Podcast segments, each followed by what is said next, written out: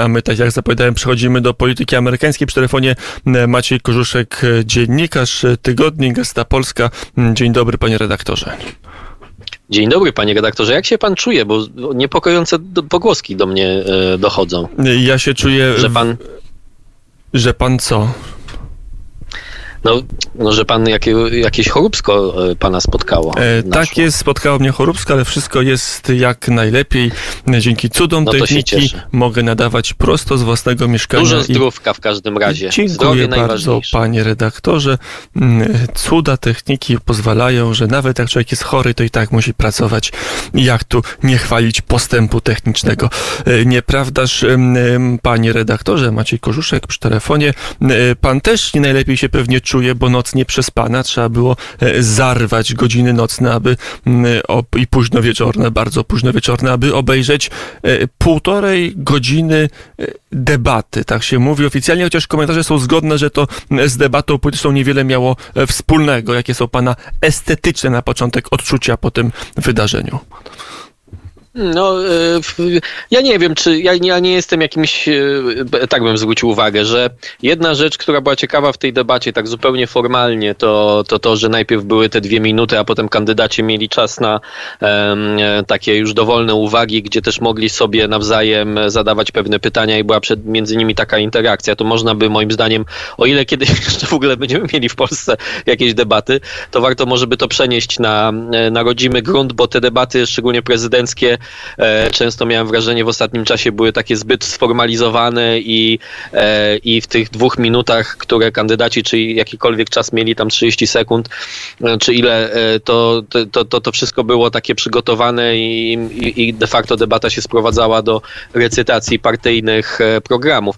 Natomiast jeżeli chodzi o tą debatę, no to rzeczywiście mamy, mieliśmy do czynienia z taką sytuacją, gdzie po pierwsze Donald Trump przyjął strategię, tak jak w przypadku południowego E, Północnej Korei e, i Chin, maksymalnej presji i Iranu, e, to tą samą strategię zastosował wobec Joe Bidena, licząc chyba na to, że jak to w piłce się mówi, pod silnym, wysokim pressingiem Joe Biden zacznie popełniać błędy. E, jak e, obrona e, Rakowa, Częstochowa lub innego średniaka z polskiej ligi, ale Joe Biden miał na to, był na to dosyć dobrze przygotowany i po prostu za każdym razem, kiedy Trump go atakował, to po prostu Joe, Joe Biden wybijał piłkę na out. Albo się uśmiechał, albo zaczynał mówić do kamery jakieś takie dosyć dziwne swoje przesłania skierowane do wyborców, ale to, co najważniejsze było, to to, że no jakby nie dał się Donaldowi Trumpowi sprowokować, przez co wszystko było bardzo rwane. Donaldowi Trumpowi nie udało się odnaleźć tego nokautującego ciosu, którego szukał od początku tej debaty, przez co, przez co mieliśmy taką, no, taką walkę, jeżeli znowu użyć terminologii bokserskiej, w którym jeden przeciwnik za wszelką cenę chciał drugiego znokautować, ale tamten nie podejmował za bardzo walki i po prostu przy każdej okazji klinczował, e, odwracał e, temat. No i tak i ta debata no, nie, nie przyniosła żadnej, żadnej wielkiej e, rewolucji, co w kontekście obaw, e, nie tylko e, obaw i nadziei, można powiedzieć, bo po stronie otoczenia i zwolenników Donalda Trumpa to są nadzieje, że Joe Biden po prostu w pewnym momencie E, jak taki golum polityczny zlepiony z różnych elementów się rozpadnie e, i, i, i zaliczy jakąś naprawdę katastrofalną wpadkę. Nie było wpadki katastrofalnej. Joe Biden nie wyglądał najlepiej, pewnie gdybyśmy go oceniali poza tym kontekstem, czy poza tą nisko zawieszoną poprzeczką, to można powiedzieć by było, że to był jeden z gorszych występów w debatach prezydenckich. Ale tak jak powiedziałem, także zasługa jest to otoczenia kampanii Donalda Trumpa, tych wszystkich wiralnych memów z, z Joe Bidenem, na których on jakby no już robił wrażenie powiedzenie staruszka, który na chleb mówi beb, e, no to te, ten występ był zaskakująco e, dobry i to jest chyba taka kluczowa e, konstatacja. Wydaje się, że te dwie następne debaty, przed tymi następnymi dwoma debatami, które pozostały, Donald Trump będzie musiał strategię zmienić, bo już teraz poznał przeciwnika, już wie, jak reaguje Joe Biden na, mm, na tą strategię, którą Donald Trump stosował tak naprawdę i w debatach z Hillary Clinton. I, i tą strategię, żeby, żeby Donald Donald Trump był skuteczny, będzie musiał e, chyba zmienić.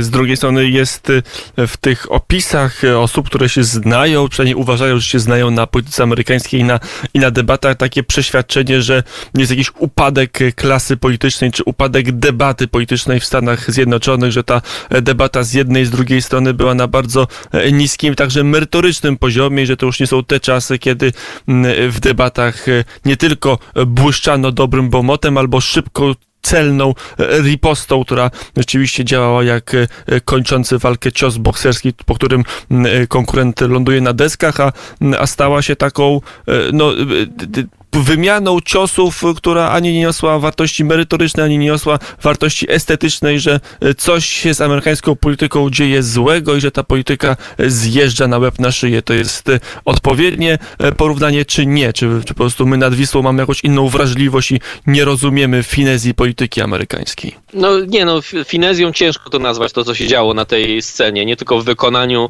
dwóch debatujących i także prowadzącego, do którego obydwie strony mają pretensje, ale chyba większe podstawy do tych pretensji ma Donald Trump, bo rzeczywiście on został przyciśnięty w sprawach, które bynajmniej nie są w tej chwili mm, aktualne, takich jak jego słowa po protestach i po tragedii w Charlottesville, e, w, w których jakby został postawiony pod ścianą, mając potępić białych nacjonalistów i, i, i nasi, nazistów i faszystów, a Joe Biden na przykład nie został postawiony pod ścianą po to, żeby potępić e, e, radykałów z ruchu Black Lives Matter, czy chociażby Antifę. Natomiast jeżeli chodzi o ten upadek, no to są zawsze takie, takie refleksje, debaty stoją na różnym poziomie, prezydenci się atakują. Oczywiście, że mamy wraz z, z powstaniem, wydaje się, czy, czy z popularnością mediów społecznościowych, mamy do czynienia z ruchem w stronę takim, że długie myśli, długie wywody, przedstawianie pewnych wizji, które e, należałoby poprzeć pewnymi statystykami, argumenta, argumentami przemawiającymi do wyobraźni, jest w mniejszym stopniu celem kandydatów, a w większym stopniu są te tak zwane po amerykańsku soundbite, czyli takie krótkie filmiki 20-30 sekundowe, w których kandydat mógłby e, przekonać swoich zwolenników, o popatrzcie, to był właśnie ten moment, kiedy Joe, czy to był ten moment, kiedy ten zły Donald Trump leżał kompletnie na deskach, a ja go zaorałem E, prawda, niczym Janusz Korwin-Mikke e, przysłowiowego lewaka. No więc, więc to, to są też te, e, te zwyczaje nowe polityczne. Natomiast nie wydaje mi się, żeby to jakby ta debata jakoś jakościowo tak bardzo odbiegała od tego, co się działo w debatach pomiędzy Donaldem Trumpem a Hillary Clinton, czyli to są już, już zjawiska, które mamy e, od dłuższego czasu. Natomiast to, co było ciekawe moim zdaniem, to, że e, jakby nawet tych soundbite'ów tak naprawdę z tej debaty nie można wyciągnąć, dlatego, że ci kandydaci cały czas sobie przerywali e, i jakby nawet, nawet taka podstawowa, elementarna dżentelmeńska umowa, to znaczy, że ja tobie dokopię, a ty dokopiesz mi i każdy z nas sobie te, te wycinki z tej debaty wyjmie i będziemy mogli pokazać, e, że, że, że wygraliśmy, to nawet ta dżentelmeńska umowa nie obowiązywała i mieliśmy trochę taką sytuację, którą ja bym porównał do tego, że jakiś komik, prawda, próbuje na scenie opowiedzieć dowcip, a jakiś e, na e, jakiś człowiek pod wpływem trunków wysoko procentowych mu cały czas przerywa, prawda, i, i, i żadna puenta tak naprawdę nie jest wypowiedziana w czasie e, i żaden e, gwóźdź nie jest wbity celnie. I, to taka, no i to, i to chyba było e, w mniejszym stopniu mnie zniesmaczyło e, to, jak klasa polityczna, bo ja nigdy nie miałem jakichś wysokich wymagań od demokracji, natomiast w większym stopniu mnie zniesmaczyła po prostu taka telewizyjno-rozrywkowo-teatralna, słaba strona tego, tego spektaklu. Znaczy, że on ani nie miał tempa, ani nie było w nim wielu emocji. E, wszystko było takie trochę kontrolowane, ale też, e, a, a z drugiej strony panował też w całej tej kontroli panował też ogromny chaos, na który chyba obydwaj E, kandydaci w jakiś sposób od początku się godzili. E, no to teraz e, pora zwać o efekty, bo rzeczywiście e, powiedział pan redaktor o tym przy telefonie mm, Maciej Koszuszek, dziennikarz tygodnika Gazeta Polska, że była nadzieja szczególnie po stronie zwolenników Donalda Trumpa, że te debaty odmienią bieg kampanii, że te, te debaty będą taką trampoliną, dzięki której Donald Trump uzyska reelekcję. Czy te nadzieje się spełniły? Ta pierwsza debata cokolwiek zmieniła, jakkolwiek może wpłynąć na wynik wyborów na początku listopada? Nie, nie zmieniła, co nie znaczy, że Donald Trump w jakiś sposób przegrał e, swoje szanse e, z, w starciu z Joe Bidenem. Ja uważałem od pewnego czasu, że szczególnie po konwencji demokratów, na której Joe Biden no, też poradził sobie, m, mm, tak jak nazwałem dzisiaj to w tekście dla Gazety Polskiej Codziennej, to jest tak, że Joe Biden zdał egzamin ósmoklasisty, bo mniej więcej takich kompetencji intelektualnych się od niego e, wymaga. To, że się wymaga takich od niego kompetencji, to jest wina zarówno demokratów, jak i republikanów, ale to jest fakt. I oczekiwanie, że on w pewnym momencie się posiźnie, to jest bardzo prawdopodobne, no bo widzieliśmy te jego wpadki, e, które się nawet mu zdarzają w momencie, kiedy czyta tekst zapisany na prompterze. Natomiast wydaje się, że jest na tyle doświadczonym politykiem, że te swoje niedomagania, e, tą swoją tendencję do tych wpadek e, w tak ważnym show, jakim jest debata prezydencka, które oglądają miliony Amerykanów i, i ludzie na całym świecie, jest w stanie ograniczyć. To oczywiście to ma, to ma swoje koszty, bo to oznacza, że Joe Biden nie jest takim e, kandydatem, który kogokolwiek porwie. Jest kandydatem, który gra bardzo bezpiecznie, który nie wchodzi w słowne utarczki. Dzisiaj słyszeliśmy tylko, że on, tutaj jego najbardziej agresywne to mówił, no zamknij się do Donalda Trumpa albo i czy nie możesz przestać, prawda, i tak dalej. Natomiast w takie wymiany zdanie po zdaniu z nim nie wchodził, wiedząc, że gdzieś tam mu się może e, wkraść jakieś zająknięcie czy, e, czy jakaś pomyłka. Natomiast te fakty, które przytaczał, przytaczał celnie, jak, też jak to napisałem, nie pomylił Arizony z Antarktydą e, i to już jest poziom, na,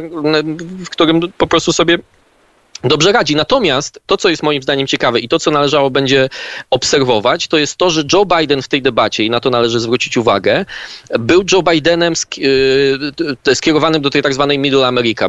Cała była dyskusja dotycząca przedmieść. Joe Biden mówi, że on się urodził na przedmieściach, że Trump nie ma pojęcia. Mu potępiał w sposób no, niejednoznaczny, ale potępiał protesty i przemoc.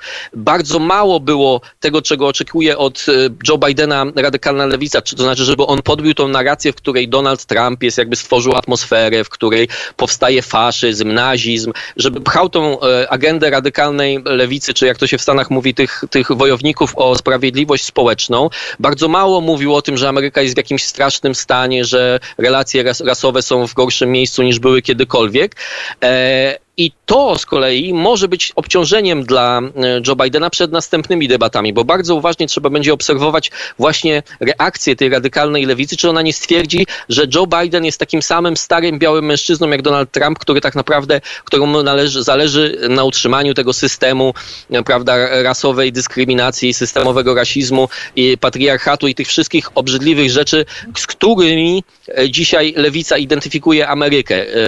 Czyli innymi słowy, to może z jednej strony strony posłużyć Joe Bidenowi, bo może przekonać tych wyborców, którzy w 2016 roku głosowali na Donalda Trumpa, a nie na Hillary Clinton, a którzy cztery lata wcześniej głosowali na Baracka Obamę, ale to może być też obciążenie, bo ta radyka radykalna lewica, chociaż nie daje mu wielu głosów, to medialnie bardzo jest silna i może spowodować e, no, bardzo, bardzo duże problemy dla Joe Bidena. E, to jeszcze na koniec e, właśnie w tym duchu wychodzenia do centrum przez Joe Bidena. Nie wiem, czy dobrze wychwyciłem, ale chyba był taki fragment, kiedy Joe Biden powiedział wprost, wprost, że nie jest za e, programem zmniejszenia finansowania policji, e, że tutaj to jest z kolei też istotny element radykalnej lewicy w Stanach. E, tu było, ja, to była jasna deklaracja kandydata demokratów, że on się pod tym nie podpisuje.